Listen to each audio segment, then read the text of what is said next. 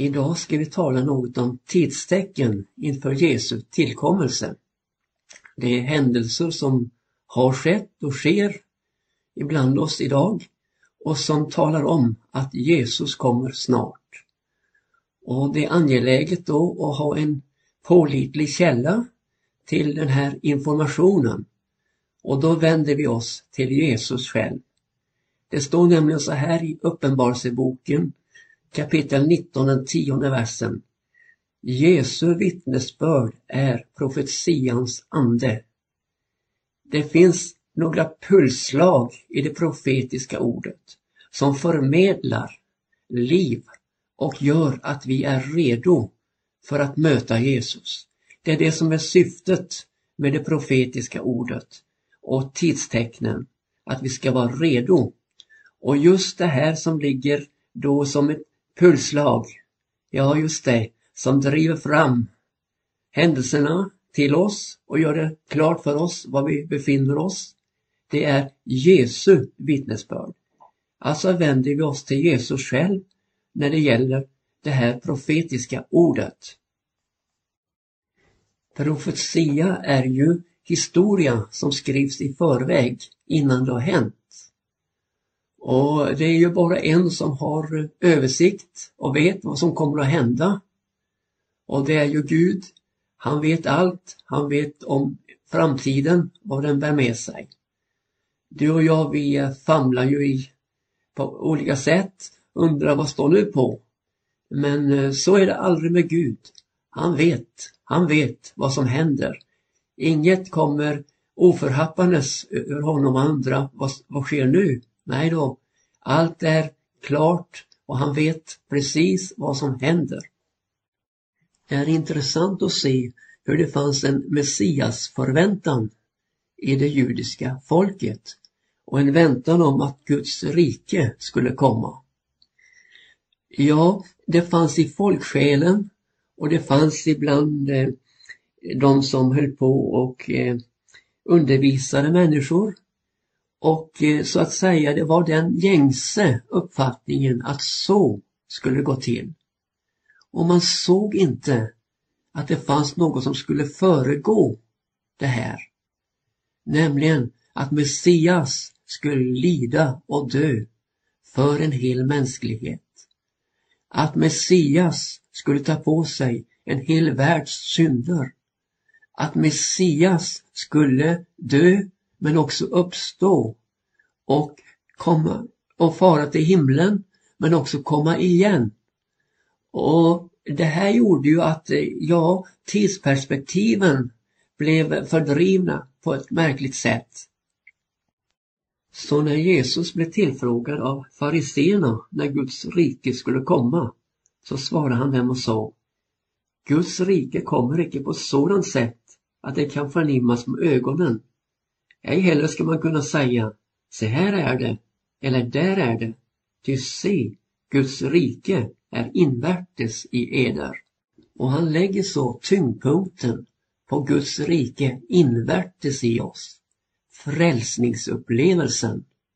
Upplevelsen av att få sina synder förlåtna och få sitt namn skrivet i Livets bok i himlen. Därför säger Guds ord i Efesierbrevet 5 och 14. Vakna upp, du som sover, och stå upp ifrån de döda, så ska Kristus lysa fram för dig i eder. Vi behöver alla få den här klara bilden av Jesus för att förstå det som ska hända, men också förstå vår situation här och nu. Det gäller om att Jesus i allt får bli den främste. Allt annat som gör att vi mister vår blick på Jesus gör att vi ser liksom allt i en dimma. Eh, ögonens klarhet, vet du, det får vi när vi ser på Jesus. Han smörjer våra ögon med ögonsalva. Och vi kan se, ja, och vara klar över vad som händer i tiden. Därför är vi så beroende av att vara vakande och, ja just det, levande. det var det vi sa. Vakna upp, du som sover, och stå upp ifrån de döda. Så skall Kristus lysa fram för dig i tiden. Jesus tar upp tre händelser som vi får beteckna som katastrofer. Två hade hänt när Jesus talade och den tredje skulle ske om bara några år. Och då är det som så att det handlar då om syndafloden och det handlar om Sodom och Gomorras ödeläggelse och det handlar om Jerusalems förstöring. Alltså de två första har hänt när Jesus talar. Den tredje skulle hända. Detta är ett oerhört åskådningsmaterial eller en varningssignal från Jesus. Som det var vid syndafloden, som det var vid Sodom och Gomorras förstörelse och som det var vid Jerusalems ödeläggelse. Ja, på samma sätt ska det vara vid Människosonens dagar när Jesus kommer tillbaka. Så skall mänskligheten vara då. Och eh, då har vi alltså tre historiska händelser att förhålla oss till och jämföra med vår tid. Låt oss läsa från Lukas 17 kapitel och den 22 versen. Den tid ska komma då ni gärna skulle vilja se en av Människosonens dagar, men ni skall icke få det.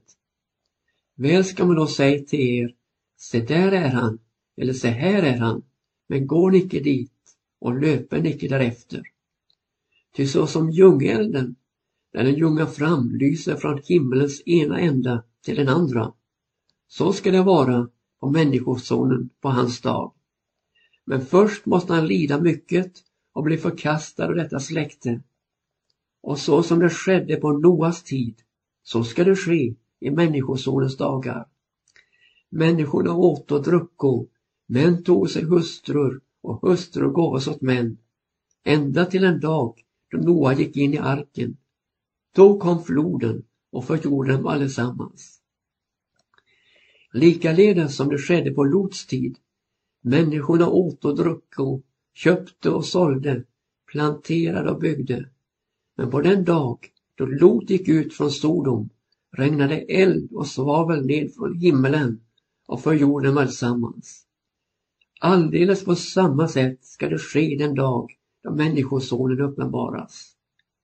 Den som den dagen är på taket och har sitt bohag in i huset, han må icke stiga ned för att hämta det.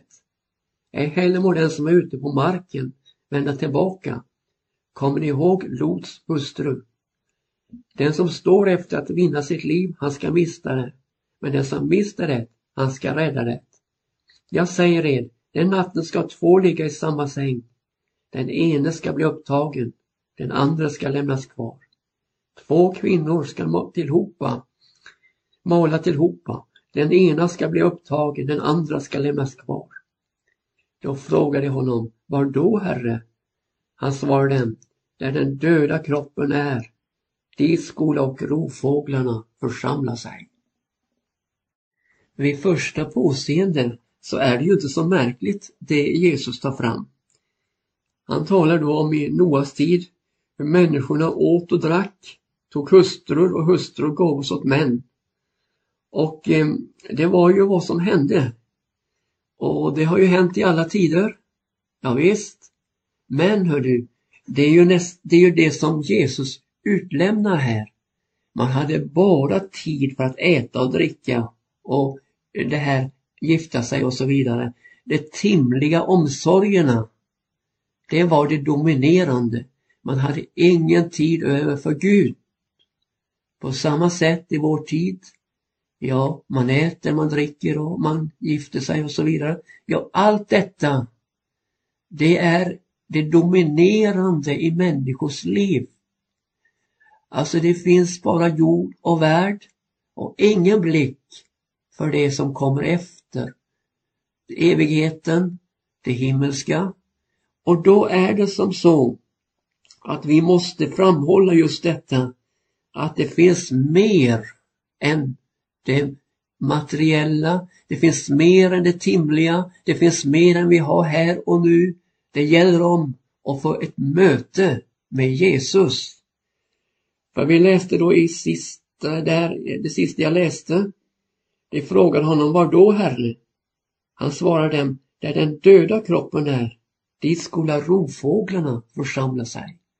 Alltså, den här dödssituationen, där man inte har liv i Gud, det är där rovfåglarna slår ner. Och rovfåglarna, ja det är en ond andevärld och dess inflytande. Det har fullt spelrum där den döda kroppen finns. Men, det var det vi talade om, det gäller om att ha liv i Gud, det gäller om att bli frälst. Och där, där har rovfåglarna inte den makten, utan där är de avväpnade. Ja, där har vi, halleluja, en plats som är fri för Herrens underbara nåd. Det var också en liknande situation med Sodom och Gomorras förstörelse. Lite något mer avancerat får man säga. Och han tillägger något där Jesus.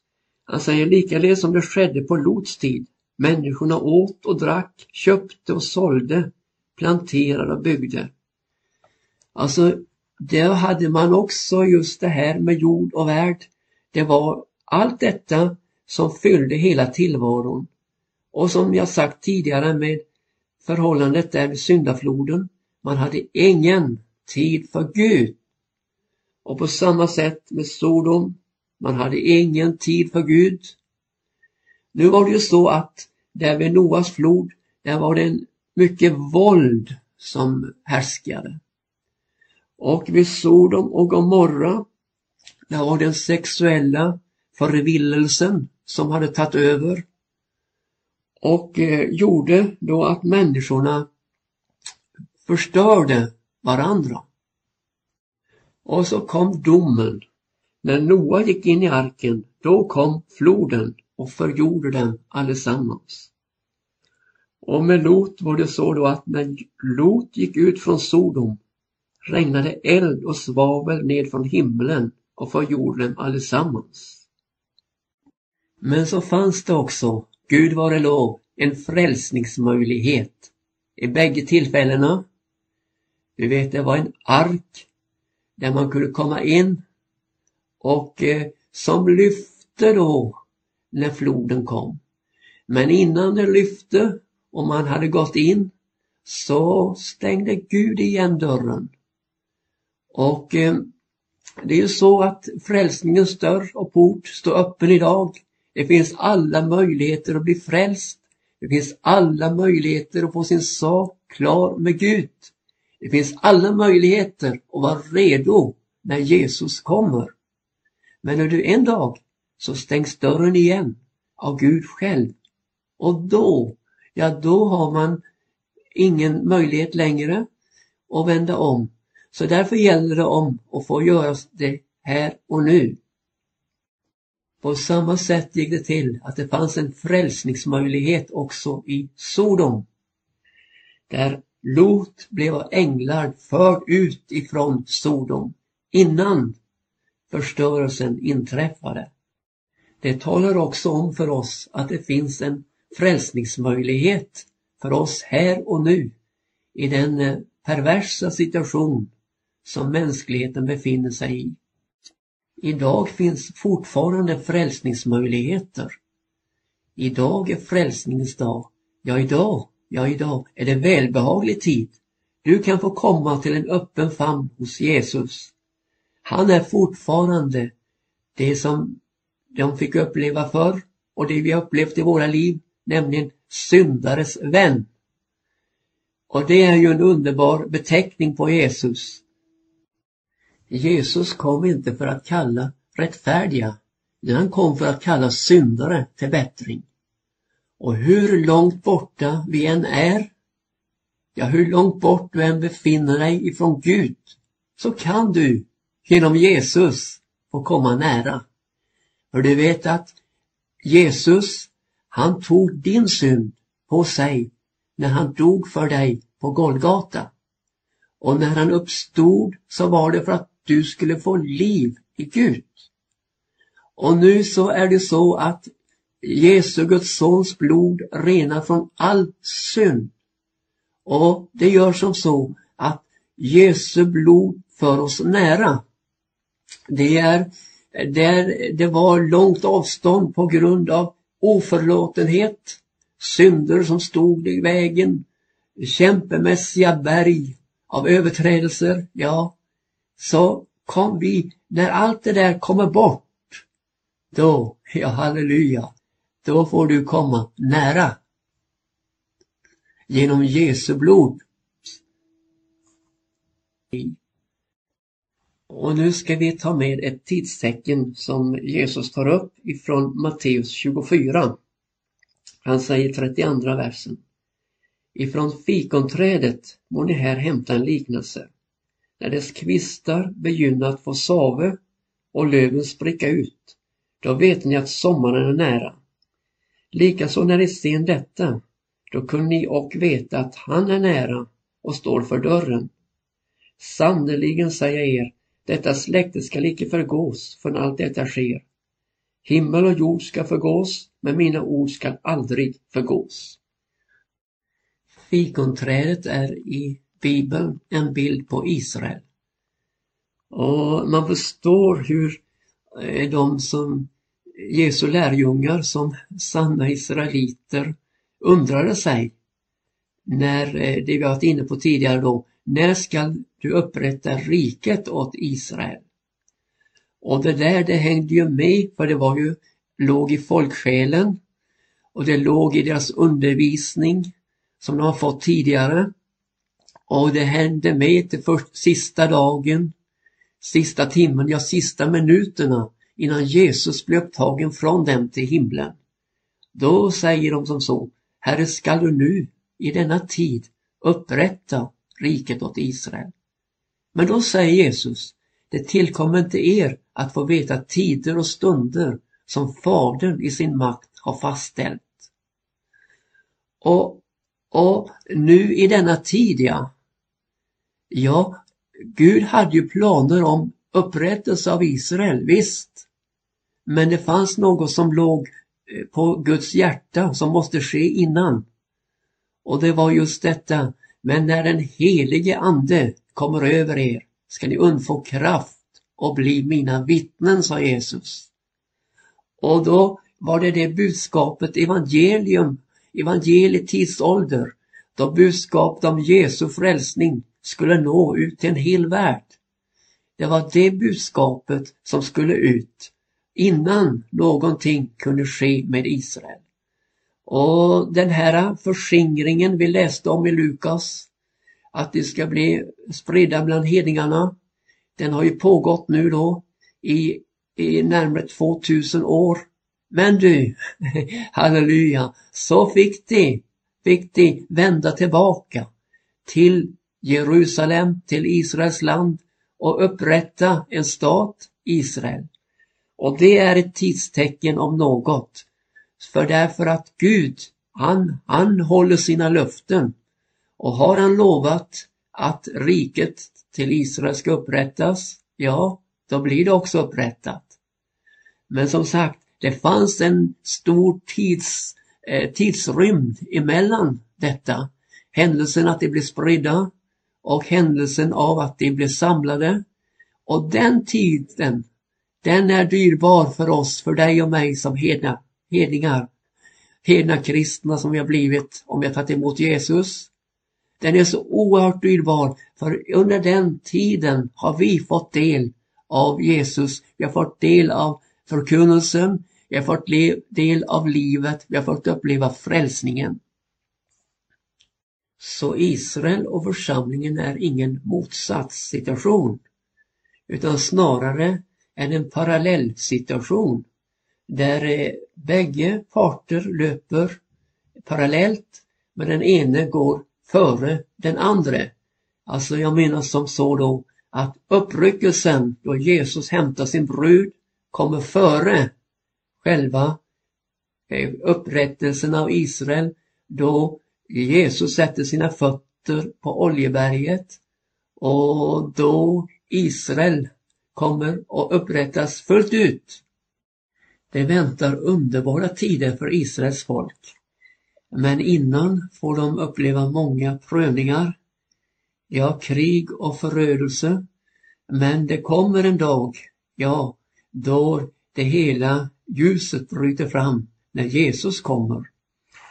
Och då så heter det då i Romarbrevet, elfte kapitel och den 26 versen. Jag vill ta med redan från den 25. Förstoppelse har drabbat en del av Israel och skall fortfara inte dess hedningarna i fulltalig skara har kommit in. Och så skall hela Israel bli frälst, så som det är skrivet. Från Sion skall förlossaren komma. Han ska skaffa bort all ogudaktighet från Jakob. Och när jag borttager deras synder, då ska detta vara det förbund som jag gör med dem.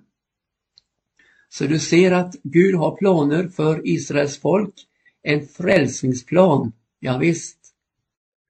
Så har vi då i det här programmet tagit med tre historiska tidstecken som Jesus pekar på som jämförelsematerial med vår tid. Och den tid då han kommer alltså. Och då har vi som sagt, då har vi det med syndafloden. Vi har det med Sodoms ödeläggelse och vi har det med Jerusalems förstöring. När det gäller den sista Jerusalems förstöring så var det ju så att, att de insåg inte vad deras frid tillhör. De tog inte vara på sin sökningstid. Och det är ju så att det är oerhört allvarligt när Gud söker en människa, att han får ett gensvar. Att vi inte eh, är likgiltiga, att vi inte är avvisande, utan att vi tvärt emot mottar honom i våra hjärtan. Och, och det här är ju väldigt viktigt att vi har den inställningen när sökningstiden är för oss. Ja, den är nu. Jag sa det, idag är frälsningens dag. Idag är välbehaglig tid. Så därför min vän, i avslutningen av det här programmet så vill jag uppmuntra dig och uppmana dig att söka Jesus. Ja, du kan bara be en enkel bön. Det behövs inga speciella former, inga speciella ord eller så, utan du får komma precis med det som ligger på ditt hjärta. Men glöm inte att nämna Jesus namnet. För det vet du, det är frälsarnamnet. Och Jesus, han vill frälsa just dig. Så du är redo när anskriet ljuder. Jesus är här. Ja, då upplever också du att du får ryckas honom till mötes för att för alltid få vara hos Herren. Det är underbart att få ha det på det sättet och få vara redo inför Jesu tillkommelse.